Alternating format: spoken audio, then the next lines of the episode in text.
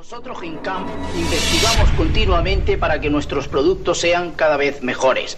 Estoy orgulloso de Colón Fórmula Extra. Por eso le puedo decir, busque, compare y si encuentra algo mejor, cómprelo. Compre, clar. Quin gran anunci aquest, estem parlant d'un anunci de fa potser 30 anys, ben bons, eh?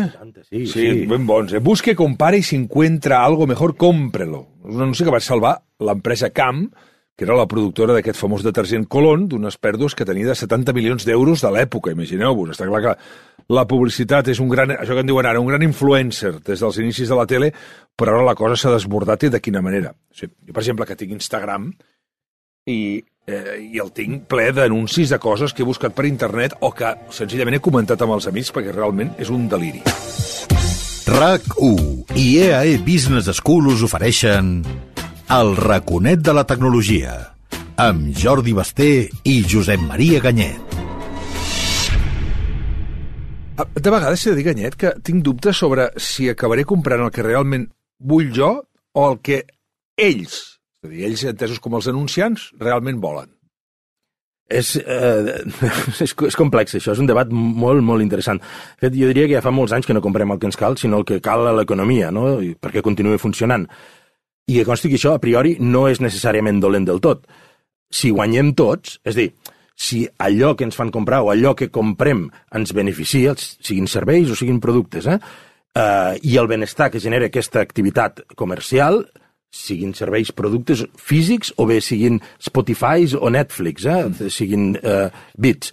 Eh, si aquesta activitat reverteix en nosaltres el nostre benefici i en la nostra societat, escolta, fantàstic. Eh? El que passa és que a vegades eh, potser els, els objectius de les grans empreses o dels anunciants no estan ben bé alineats amb els nostres, no? Qui, quins criteris fan servir? Com saben que allò que m'interessa o allò que em volen vendre és bo per mi? O sigui, al final, el que vol una empresa és maximitzar els beneficis, no? Mm. I això en tenim exemples de que amb el tabac, amb l'alcohol, amb els combustibles fòssils, escolta, venem, venem, venem, mm. després ja ens ho trobarem després, eh? Va, però Ganyet, que, que, que a mi m'orientin, per dir-ho d'alguna manera, en coses que vull comprar. Mira, fins i tot molts ho veuen més còmode i més ràpid si eh, no, ens peri, no ens posem a, a, obrir grans debats ètics, no? Però el que realment a mi m'espanta no és només que m'in- que m'indueixin a comprar una cosa o aquesta altra, sinó que acabin decidint els meus interessos o bé fins i tot a qui segueixo les xarxes. Sí, no, no. El fet és que aquests grans anunciants o aquestes grans xarxes saben el que compraràs, saben on clicaràs abans que tu ho facis. De fet, el gran negoci és endivinar on farem clic a continuació. I, i això s'hi dediquen milions. Dediquen intel·ligència artificial, s'hi dediquen científics de dades, siguin tots els tipus de recursos que hi ha. La moneda d'internet eh, eh, és la nostra atenció. El que fan aquestes empreses és comprar la nostra atenció, empaquetar-la i vendre-la als seus clients de veritat, que no som nosaltres. Els seus clients són els anunciants, els qui paguen per aquesta atenció. Una mica com fan les ràdios i els diaris, eh? Escolta, jo tinc una audiència i te, et venc perquè tinc més audiència, doncs te puc vendre la publicitat eh, més cara. Al final, si això és, potser, home, comprar unes bambes i, i, i comprar-me el pròxim refresc potser no és del tot greu, però si influeixen de, definitivament amb el meu vot o amb els meus valors, això ja és més complex. Ja. De fet, el, el gran debat actual és de dir, escolta, quant poder tenen aquestes empreses? Eh? Els Estats Units i estan començant, eh, la, la, la Comissió de, de, de Comerç dels Estats Units ha començat a cridar a Google, Facebook, TikTok, eh? per dir, escolta, vostès tenen molta influència, diguin-nos què estan fent amb les nostres dades. I aquí apareixen aquests fenòmens que diríem que són els influencers, diríem, en tot això, no? I aquí piquem tots, està clar, però, però segurament un dels col·lectius que més està influenciat per les xarxes, no ho oblidem, perquè, mira, nosaltres ja tenim una edat, però són els adolescents. Com els, o de quina manera els podríem ajudar a no voler comprar tot allò que ofereixen a les xarxes? Perquè els estem convertint en enormes consumidors. Sí, sí, sí. I, i no cal comprar, eh? no, no cal gastar diners per ser un gran consumidor. O sigui, pots, pots consumir vídeos curts de manera compulsiva. Eh? Això, al final, és un temps que no estàs dedicant a fer una altra cosa. La, pregunta que de, la primera pregunta que els hi hem de fer, que s'han de fer, i que ens han de fer tots nosaltres, és això realment ho vols o ho necessites? Et cal, això? Sigui un bé digital o siguin le- les bambes últim model, eh? Saber, allò que diem sempre, ja, hem- ja ho hem dit alguna altra vegada, eh, criteri per saber destriar allò que és bo d'allò que és nou. No tot el nou és bo necessàriament. Eh? Preguntar-se per què volem una cosa i si podem justificar d'una manera racional com ha arribat a aquesta decisió. Ho necessito per què? Per això, per això, per això, perquè m'anirà millor pels meus estudis, perquè em divertiré més, perquè aprendré o perquè senzillament eh, m'ajudarà a esvergir-me. M'és igual. Si podem trobar una, una decisió raonada, més enllà de dir, és que ho he vist a 50 vídeos d'Instagram, perquè em van empaitant, Sí. eh? més enllà d'això, parlem-ne. Eh? I et dic que és un procés que ens hauríem de fer els adults, sobretot quan estem a Amazon. Eh? Que allò d'anar seguint altres usuaris també han comprat, allò és, eh, és el mal. Eh? Uh, però lluitar tots sols, com, com a educadors, com a pares, com a famílies, eh, com a individus, és molt complicat. Aquí ens hem d'ajudar, doncs, eh, reguladors. Necessitem regulacions que protegeixen els consumidors, especialment els menors. Això que et comentava, que ara finalment han posat aquest debat sobre la taula. La, la Unió Europea s'està plantejant també cridar a totes aquestes grans empreses eh, i eh, si fan publicitat enganyosa o, o no segueixen les regles que tenim aquí, posar-los unes multes milionàries. Mira, t'explicaré el cas de la cadena de farmàcia Target, és un cas del 2012, quan un pare va entrar molt enf- molt enfadat en una farmàcia mm. d'aquestes Estats Units, amb un val de descompte per un xec nadó de ro roba, sí, roba de nadó, sí, de- sí. sobre productes. Li ha arribat a casa en nom de sa filla. I, clar, sa filla tenia 16 anys, encara estava a l'institut. Escolti, vostès que estan fomentant que, que les nenes joves es quedin embarassades, això és un error, escolti, no m'ho enviïn més, no? Van dir que miraria què havia passat i, i sí, sí, efectivament, al cap d'uns dies el van trucar demanant-li disculpes i llavors el pare els va dir, no, és que el que he de demanar disculpes sóc jo, he tingut una xerrada amb la meva filla i, i, està embarassada i que uns mesos esperem un nadó. O sigui, Target sabia, pels hàbits de compra de la filla, eh, per- perquè tenien molt ben identificats els seus clients, que aquella noia estava, estava embarassada quan a casa seva encara no ho sabien. El raconet de la tecnologia. Ja és frase per la història, allò de Google et coneix millor que tu mateix. Però històries com ho fan i realment què volen, o què busquen de nosaltres. Aquí hi ha una paradoxa molt, molt interessant. La resposta fàcil seria dir que són el mal. Eh? Facebook, Google, Amazon, i en menys mesura Apple, perquè és més respectuosa a Microsoft, i les xineses, eh? que no en parlem mai, però, però són molt Alibaba, potents. Tencent... Baidu... Sí, sí. Eh?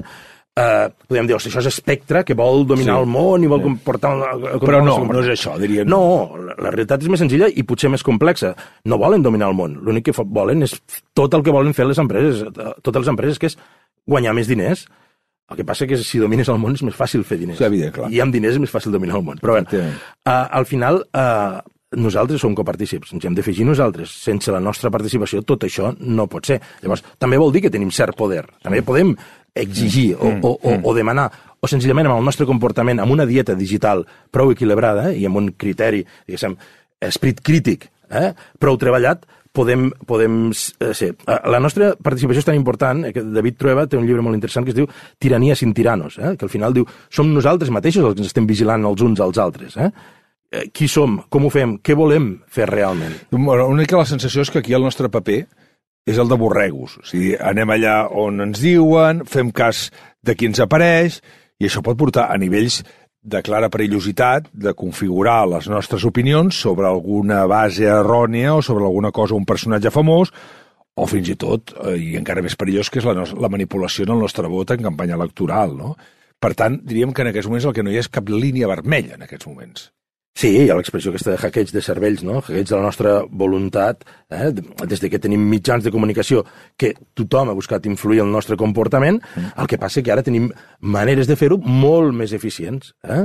Maneres de fer-ho ja no un, una publicitat amb, un, eh, amb una ràdio que la sent tothom, no, publicitats personalitzades per a tu, de la manera que tu et comportes, eh, tal, tal, tal com ets. Eh? Uh, aquest concepte del hackeig de cervell és aquest terme que utilitza el Yuval Noah Harari, Sí. que vas estar a Sí, Amsterdam. amb ell, a Amsterdam, sí, no pot ser. Amb ell, eh? Sí. El- L'autor de, de Sapiens, eh, d'Homo Deus, eh? uns llibres que jo recomano. Una de les persones més interessants que he conegut a la meva vida. Sí, sí, sí, una persona cosa- que explica coses molt complexes de manera molt entenedora, jo crec. Eh? Portem monitors d'activitat que estem contínuament explicant la nostra vida eh, a les xarxes socials o comprant, o quan mirem Netflix. Mm. Recordem que quan tu mires la tele, eh, les plataformes, les plataformes també et miren a tu. Saben on, on pares, sí, home, saben on pares, saben quin capítol tornes a veure, saben... Ah, no, no, sí, aquests, ah. aquests mails que rebo jo que em diuen com estàs mirant el que estàs mirant, jo t'ofereixo quatre pel·lícules més i cinc sèries més. Exacte. O sigui, la tele et mira tu. Ostres. Tu mires la tele, però la tele també t'està mirant a tu. Ja. Per acabar, deixa'm preguntar-te si tot això també té a veure amb les famoses cookies. Hi ha una cosa que es diu cookies que molta gent no sap el que significa. Mm. Cookies vol dir una galeta. Mm. I tu dius, com a tal, dius, bueno, pues això... Galeta, me la menjo. Vols, accepta les cookies. Va, accepta, Avall. i fot-li avall que fa baixada. eh, clar, nosaltres acceptem, acceptar, acceptar, acceptar, acceptar. Ens passa en molts àmbits de les nostres vides. Fins i tot eh, quan anem a prendre una, quan hem de prendre una pastilla, comprar una pastilla i ens donen una mena de paper rebregat Ah, on hi ha 400.000 paraules que no llegeixes mai, però nosaltres quan anem apretant no tenim ni punyetera idea del que estem acceptant en general. No, perquè el, el que tu vols és aquella aplicació o veure aquella pel·lícula o aquell clip, o és igual, eh? I llavors, eh, no, no, no només no són conscients, sinó que les mateixes empreses no són conscients perquè una vegada els seus algoritmes gestionen les nostres dades, no saben ben bé què passa allà. Per entendre aquells missals, eh, que- aquells missals que, que pots passar dies llegint-ne un, hauries de ser un especialista en dret, en lleis de copyright, en mitjans de comunicació, en enginyeria de software, sí, sí. en ciència de dades, en intel·ligència artificial, hauries de ser tot això. I tampoc és garantia que ho entenguessis. A banda de tot això, eh, ho vull o ho necessito. Tens autèntiques aplicacions que són decimonòniques gairebé, al teu telèfon o a la teva tauleta, o el que Sí. sigui, i començar a netejar i, i, i, i cremar-les totes. Home, tampoc és això, però, però sí que l'exercici és molt bo de dir, escolta, Quines necessito i quines no? clar, és que n'hi ha que, que fa més d'un any que no, no has utilitzat, i les tens al mòbil, segur. Escolta, molt important, aquesta lletra petita. També estaria bé que ens la posessin una mica resumida, per tant, ells busquen, que no ho llegim, ells busquen acceptar, acceptar, acceptar, acceptar, perquè la podrien posar resumida, no ens la posen. En un tamany més còmode de llegir, no ens ho posen. Eh, tal com ho veiem ara, no només a nosaltres, imagina't a les nostres criatures, tot això és incomestible. Però clar, no ens ho posaran tan fàcil perquè si comencem tots a deixar d'acceptar, se'ls hi tanca la paradeta molt ràpid. Però vaja, que si al final el preu que he de pagar és rebre un anunci de matalassos quan realment m'estic plantejant comprar-ne un, doncs home... El tema, bàsicament, és ser conscients de fins on pot arribar això i mantenir sempre l'esperit crític. Així que claríssimament no deixem de buscar, no deixem de comparar, i si recordeu que si encuentre algo mejor, cómpralo. RAC1 i EAE Business School us han ofert el raconet de la tecnologia amb Jordi Basté i Josep Maria Ganyet. L'experiència és un grau i la teva un valor. Passa de nivell amb l'Executive MBA d'EAE Business School. Treballa les teves competències directives i de lideratge i genera sinergies amb altres professionals. Els MBA d'EAE, dels més ben considerats segons els rànquings de Bloomberg i QS. Informa't a eae.es. What's next for you? EAE. We make it happen.